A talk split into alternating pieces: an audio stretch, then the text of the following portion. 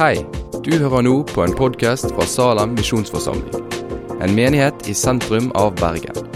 Vil du vite mer om oss eller komme i kontakt med oss, gå inn på salem.no. Vi driver på å snakke om David, kong David, den andre kongen i Israels historie. Og vi har truffet han som liten gjetergutt når han blir salva til konge. Vi har truffet han når han slåss med Goliat. Vi har truffet han som vennen til Jonathan forrige gang. Og anbefaler dere å høre på podkastene hvis dere ikke har fått det med dere før nå. Men han, har altså blitt salva, og så er han tilbake på gjetermarken. Og kong Saul, han som var konge, han får på et tidspunkt litt problemer med psyken. Eh, eller med, med, ånden, kan vi si. Han var ulydig mot Gud, og det gjorde at eh, Gud tok sin ånd fra Saul. Eh, og så står det at han blir plaga av en ond ånd fra Herren. Og Det er litt vanskelig, men vi skal ikke la være å si det som står i Bibelen. Men jeg tror ikke vi skal være redd for om Gud tar ånd vekk fra oss. Fordi I Gamle testamentet så hvilte Den hellige ånd over enkelte personer til gitte tider som Gud utrusta for å utføre en sak for hans folk. Og så kunne ånden bli tatt tilbake igjen og bli gitt noen andre. Det var det som hadde skjedd, mens vi har fått Den hellige ånd i gave, og den bor i oss. Og når vi er ulydige, så vil Den hellige ånd i stedet for å forlate oss, hjelpe oss gjennom ulydigheten og vise oss hvordan vi kan omvende oss. Så vi trenger ikke være så redd for det som, opplevde, som Saul opplevde. Men i Sauls hoff så ser de at han er plaga.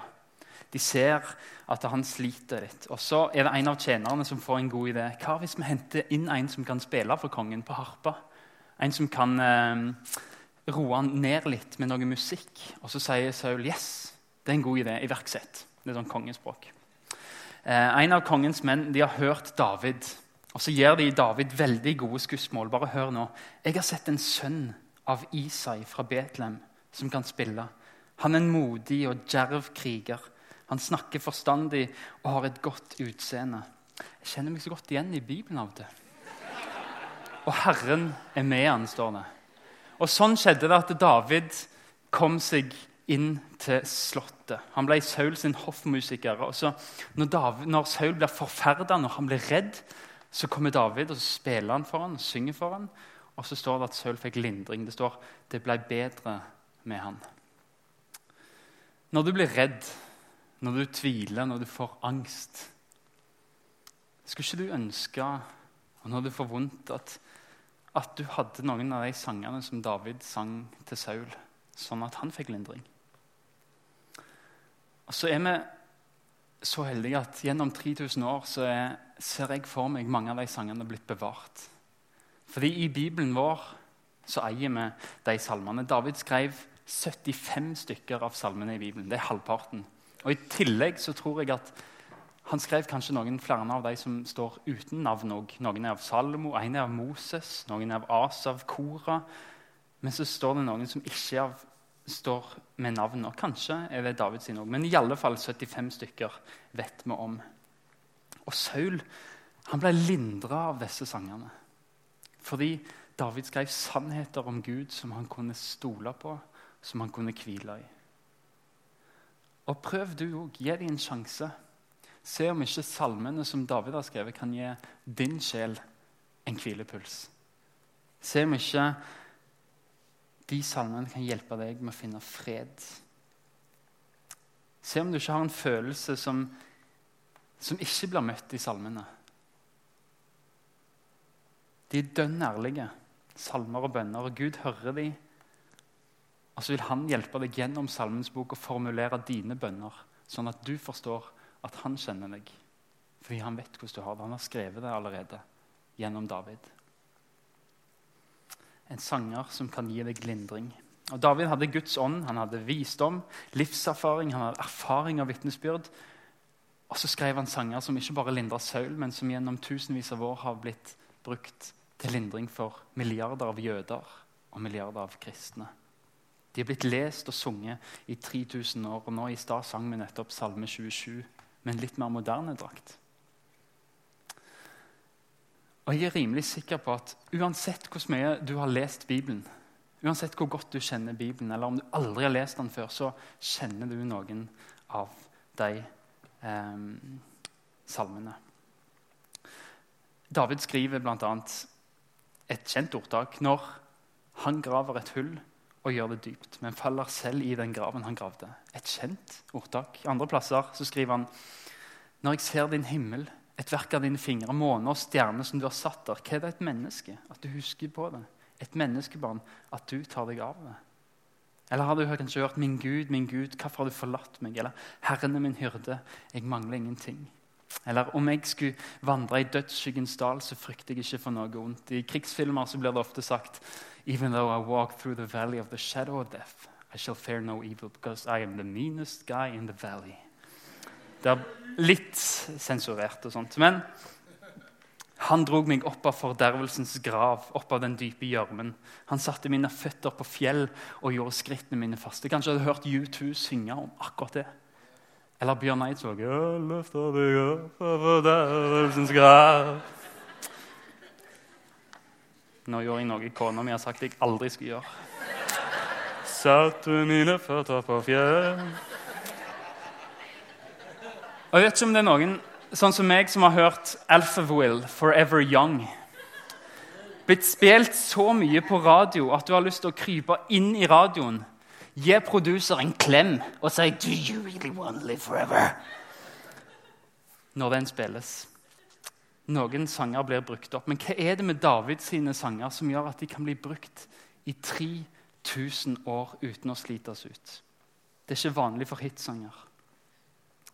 Men det er fordi at disse salmene de er ikke floskler. De er ikke tomme ord. Disse sangene her, som David har skrevet, det er levd liv. Det er sannheter. Et vitnesbyrd om et liv sammen med Gud. En Gud som er den samme da som han var nå. Inspirert av Den hellige ånd, sånn at de levende ord med kraft til å gi deg håp, kraft til å gi deg liv og kraft til å løfte deg opp fra fordervelsens grav og sette føttene dine på fjell. Fordi det er ikke floskler. Dette her er ikke bare funnet på. Fordi David, han, altså 18 av salmene til David starter med å sette det inn i en konkret historisk kontekst. David skriver faktisk at eller Han skriver salmer når han flykter pga. andre folk som gjør noe mot ham. Når Herren berger han til innvielse av tempelet. Når han, det er jo fint, når han lot som om han var gal. Eh, når profeten Nathan kom til ham, og massevis av eksempler under krig, under seier, i ørken, i høytider i Jerusalem, når han bodde i ei hule og gjemte seg overalt, skrev David. Salmene det var ikke ord som David har skrevet fordi han var en abstrakt poet som skulle selge bøker, men fordi han tok med seg Gud i alt som skjedde. Han hadde en bønn for alle de store episodene i sitt liv. Alle de vanskelige periodene så hadde han en bønn. Jeg vet ikke hva som opptar ditt bønneliv.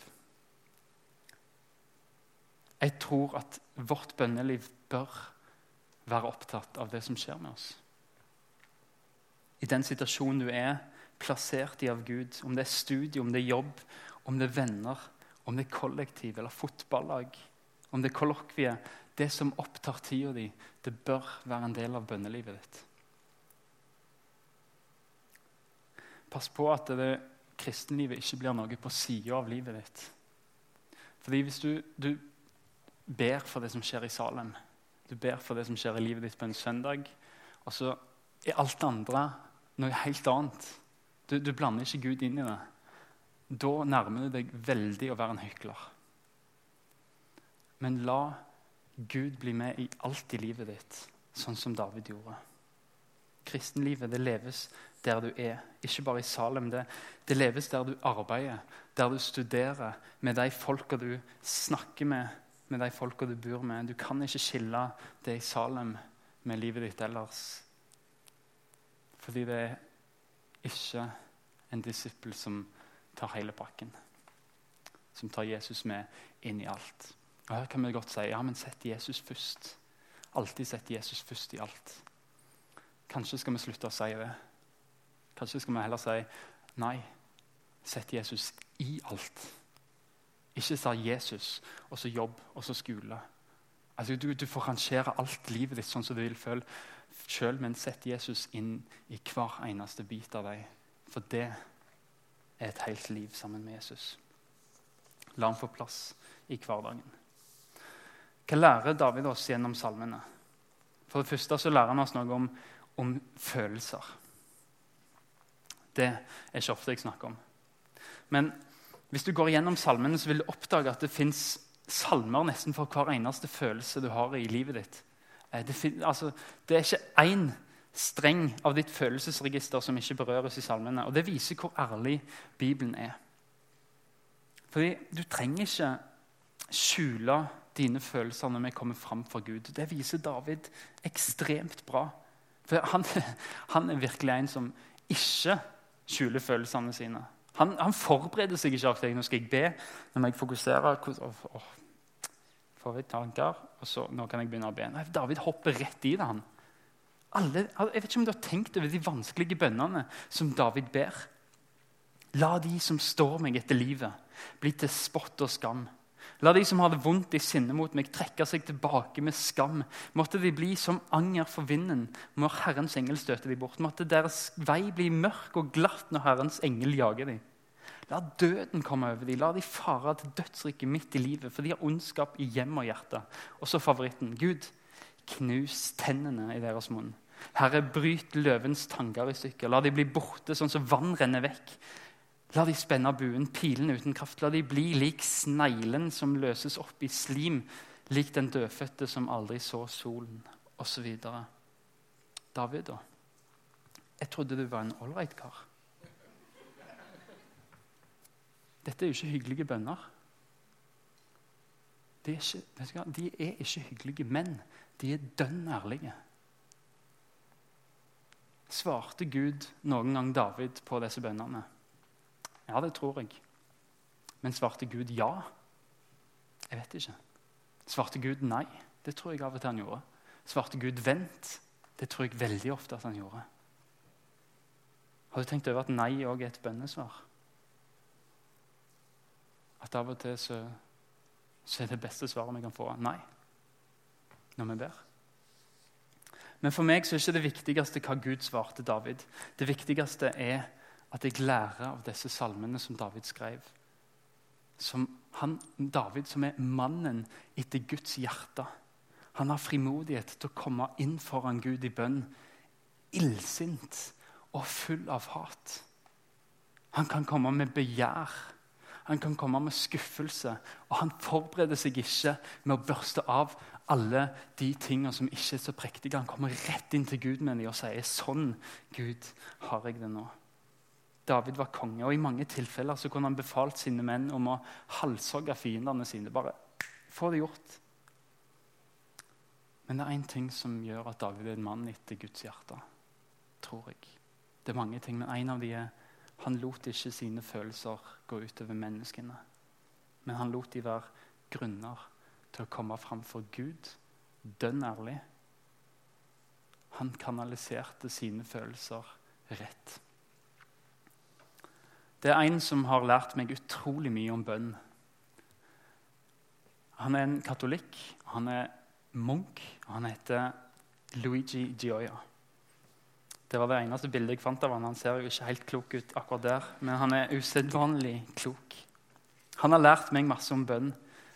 Han, han, etter 27 år har han vært munk, og han sier hver gang jeg skal begynne med å be, så starter jeg med å være kjempeærlig med Gud. Jeg, jeg går inn i lønnkammeret mitt og sier Gud, dette her føles totalt meningsløst. Jeg har 100 andre ting jeg skulle gjort. Hvorfor i all verden? Det er samme følelsen sier han hver gang etter 27 år. Men jeg bestemmer meg for å be. Og så kommer jeg til bønnen og erfarer at ja, men Luigi, dette var en samtale med en som jeg elsker. Dette er samtale med en jeg er glad i. Og så gir det meg fred, sier han. Jeg kommer med alt jeg har på hjertet i det øyeblikket jeg blir. Om det er frustrasjon, om det er sinne, om det er håpløshet, glede, klage, om det er begjær. Men når jeg ber, så er jeg med Jesus. Han elsker meg, og han får hjertet mitt til å brenne for han. Han leger sinne, han leger irritasjon og håpløshet. Og han er svaret på alle mine følelser. Så sier han akkurat sånn som David, så lar jeg ting som skjer i livet mitt, bli til bønn. Midt i det jeg gjør, så vekker det en følelse i meg. Kanskje sitter jeg på bussen, og det blir et barn som gråter og som gråter og som gråter, som aldri slutter å gråte. Jeg kan bli så irritert. Og så sier han så kom jeg på dette er en følelse. Dette skal jeg til Gud med. Og så sier han så blir den irritasjonen om til en bønn der jeg sier Gud, kan du velsigne mora og dette barnet? Kan du leke meg? Kan du skape åndens frukter som er glede og fred? Og Hvis det er en fristelse, så sier han jeg går til Gud. Er det noe som rører meg, jeg går til Gud. Er det sinne, så anerkjenner jeg at jeg er sint, og jeg går til Gud. For Gud er interessert i alt som skjer i hjertet mitt. Og David sier en gang jeg hater mine fiender med et intenst hat. Og Det er en sterk følelse, men det blir en veldig sterk bønn hvis du går til Gud med den følelsen. Fordi du er dønn ærlig. Og så kan Gud lære deg hva du gjør med hat. Så kan Gud helbrede meg, Og så kan Gud vise deg hva kjærlighet er. Bare vær helt ærlig når du kommer fram på Gud. Du trenger ikke bli klar til å be. Når du ber, så kan du få komme Gud akkurat sånn som du er. Du kan bare få si akkurat nå så har jeg det sånn som dette, Gud. Han elsker deg akkurat sånn som du er. Og David lærer oss å komme til Gud med alle våre følelser. Ikke, for, hva hvis følelsene ikke er skapt for å gjøre opp mellom oss mennesker imellom? Hva hvis følelsene er noe som Gud har gitt oss for å minne oss på at hei, du har en her som vil høre på alt du har å si. Du kan komme hit med alle dine bekymringer. Hva hvis han har skapt følelsene dine fordi han har ønska at du skal være ærlig med han? De hjelper deg til å be og Hvor fantastisk er ikke Gud? Han har gitt deg et verktøy i dine følelser for å minne deg på om at du kan komme til Han og lette på trykket.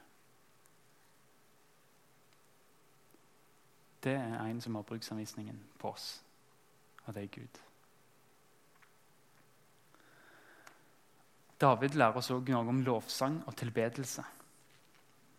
Jeg leste gjennom alle de 75 salmene når jeg forberedte meg til talen.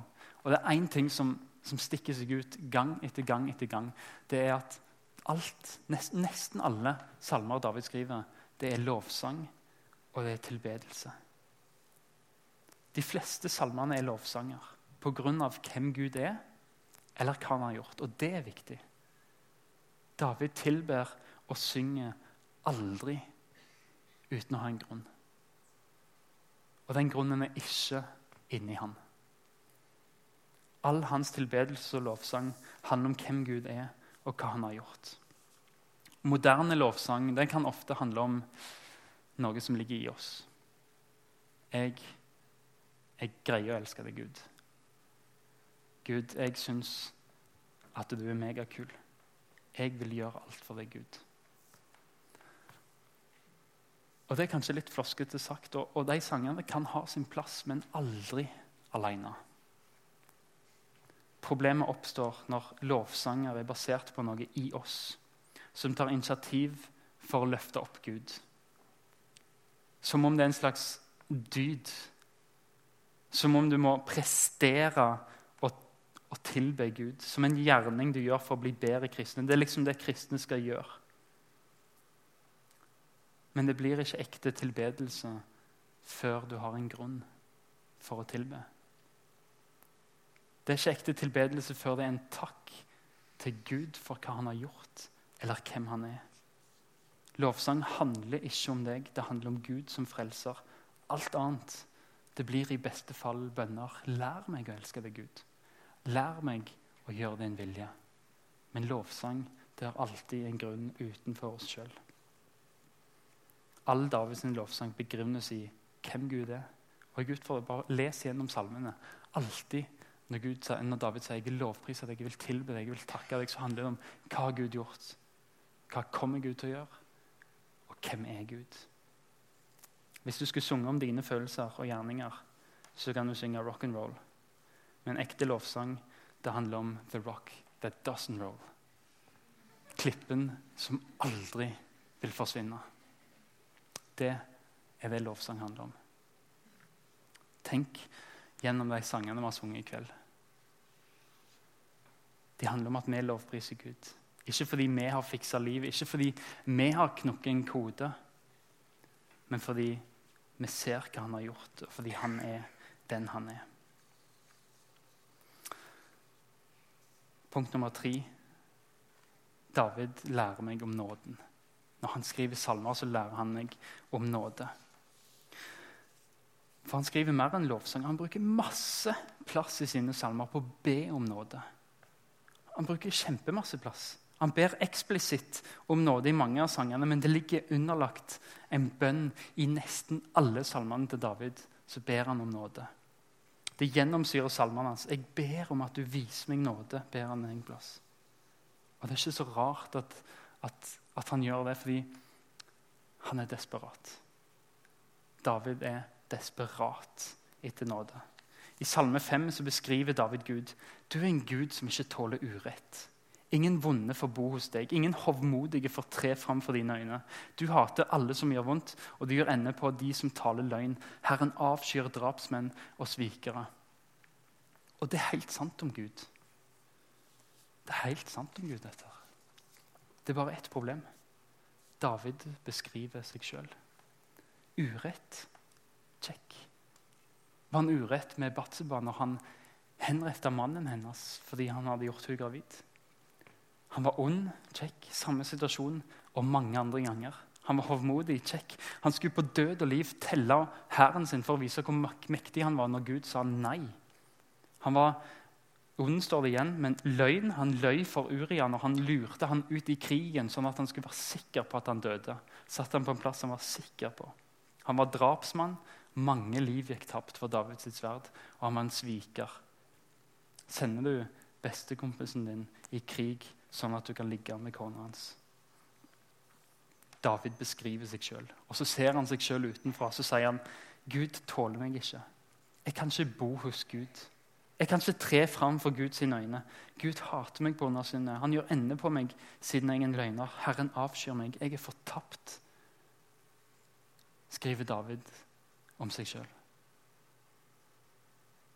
Rett før David sier dette, så har han ropt om hjelp.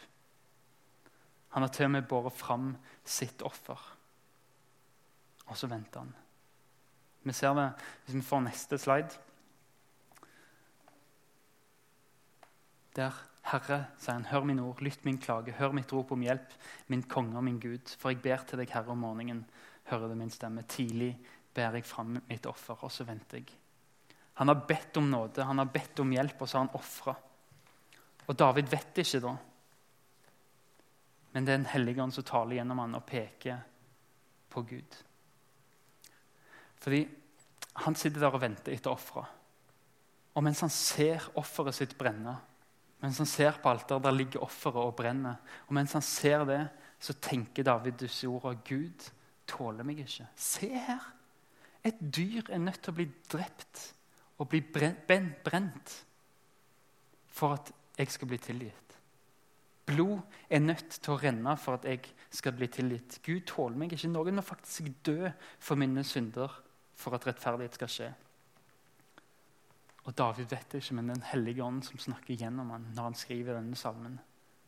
Den hellige ånd som peker på at Gud reiser ned til jorda som menneske. Jesus som kommer ned for å ofre seg sjøl, for at vi skal slippe å møte den evige død. Offeret David ser på alteret for sine synder, er et forbilde på Jesus som Gud sendte som et soningoffer for alle våre synder. Og Gjennom Den hellige ånd, som har inspirert David til å skrive denne salmen, så skriver David videre om hva han får etter offeret. Etter at dommen mot Jesus er gitt, og etter at Guds frede over dine synder har rammet Jesus, så skriver David 'men'. Det er det fineste ordet jeg vet om i Bibelen. men. Det er alltid noe før og alltid noe etter. Men med din store godhet. Og det ordet 'godhet' det kan også oversettes nåde. Det hebraiske språket er så rikt, og vi kan oversette det mange forskjellige ting. Men med din nåde så kan jeg gå inn i ditt hus. Alle som søker tilflukt hos deg, skal glede seg. Alltid skal de juble. Du verner dem. De fryder seg i deg, de som elsker ditt navn. For du, Herre, velsigner den rettferdige. Du dekker han med nåde som et skjold. Og tenk deg det, Når Jesus står og dekker deg med nåde Ingen kan angripe deg. Som et skjold så dekker han deg med nåde. Da er du trygg. Din godhet, sier han. Tilflukt hos deg. Du verner dem. De fryder seg i deg, for du, Herre, velsigne. Du dekker med nåde. Ser du at alt handler om noe utenfor David? Det er du, det er deg, det er du, det er deg. David bruker masse tid på å be om nåde fordi han er desperat, og han trenger det. Og når David, mannen etter Guds eget hjerte, bruker så mye tid på å be om nåde, hvor mye mer trenger ikke vi det? Har du gjort urett? Har du tenkt vondt? Kjenner du på hovmodige tanker? Hva med løgn? Eller mord? At den kan jeg iallfall sjekke av. Mord. Jeg har ikke drept noen. Men Johannes skriver den som hater sin bror, er en morder. Og dere vet at ingen morder er evig liv i seg. Hva med siste? Da har du sveket noen. Og Kanskje så tenker du ja, jeg greier meg ganske bra. Jeg har iallfall holdt de fleste her. Men Jakob skriver den som holder hele loven, men snubler i ett av buda, den har gjort seg skyldig i å bryte alle. Det er akkurat som et perlekjede. Og så river du av, og så mister du ei perle, og så plutselig detter alle. Det er akkurat sånn ser det ut. Når det har falt i ett, så har det falt i alle, sier han. Vi trenger det offeret som Den hellige ånd talte gjennom David. Vi trenger at Jesus døde for oss, sånn at han kan dekke over oss med nåde. Først da er vi trygge.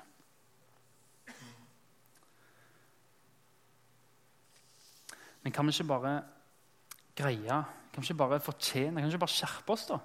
Og så fortjene det evige livet? Uten Jesus er det ikke bare å bli litt bedre, ikke bare gi litt mer til de fattige.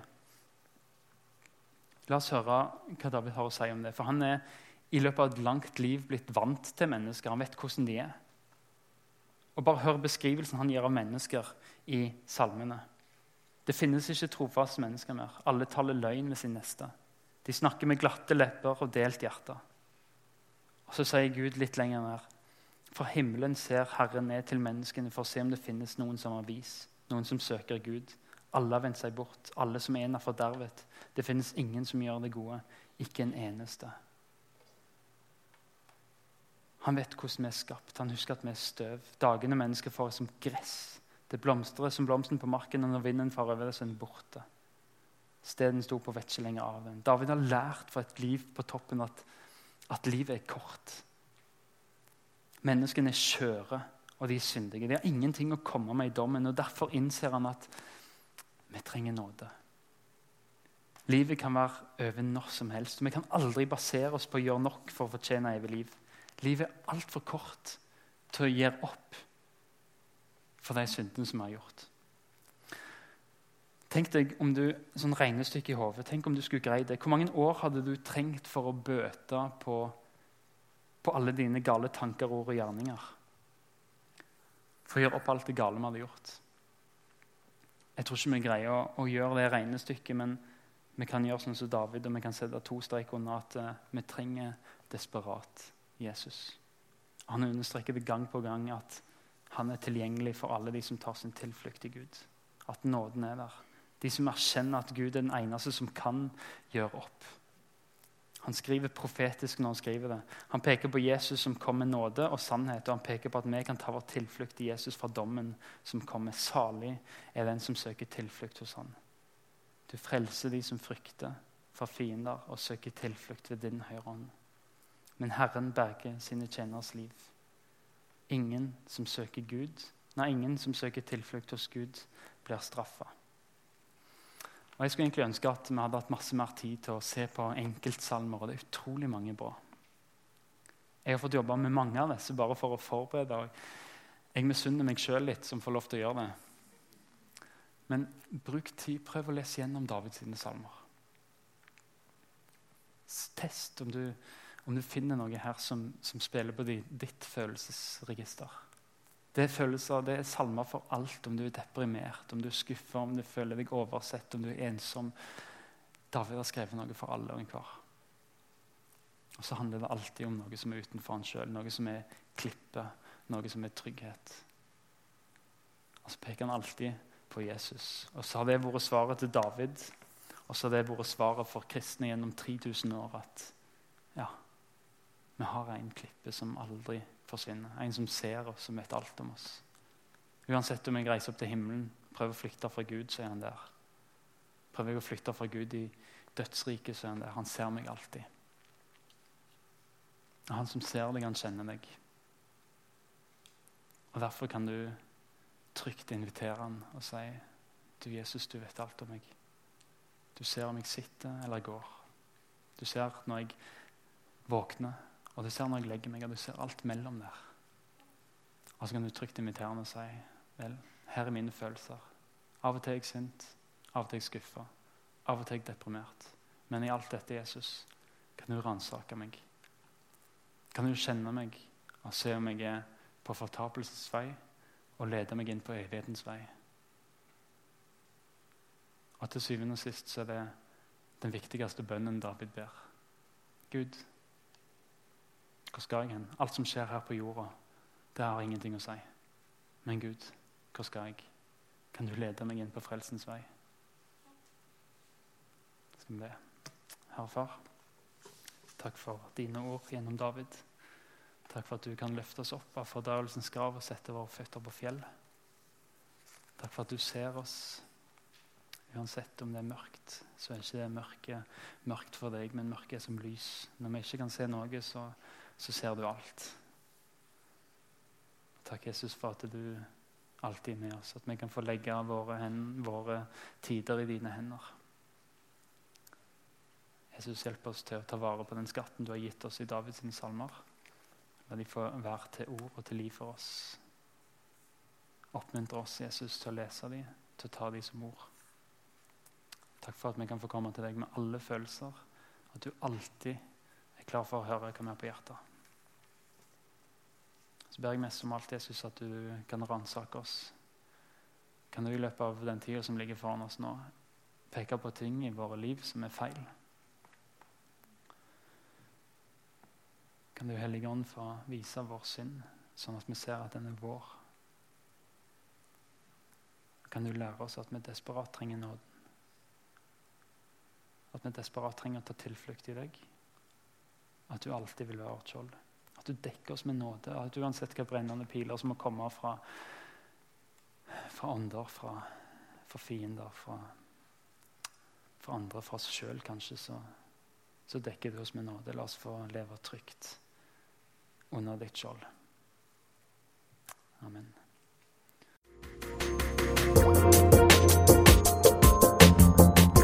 Takk for at du har hørt på podkasten fra Salem, Bergen. I Salem vil vi vokse i et stadig dypere fellesskap med Gud og med hverandre. Vi vil være Jesu hender og føtter, og vi vil være med og forkynne frelse for Bergen og resten av verden. Besøk oss gjerne på salem.no om du vil vite mer.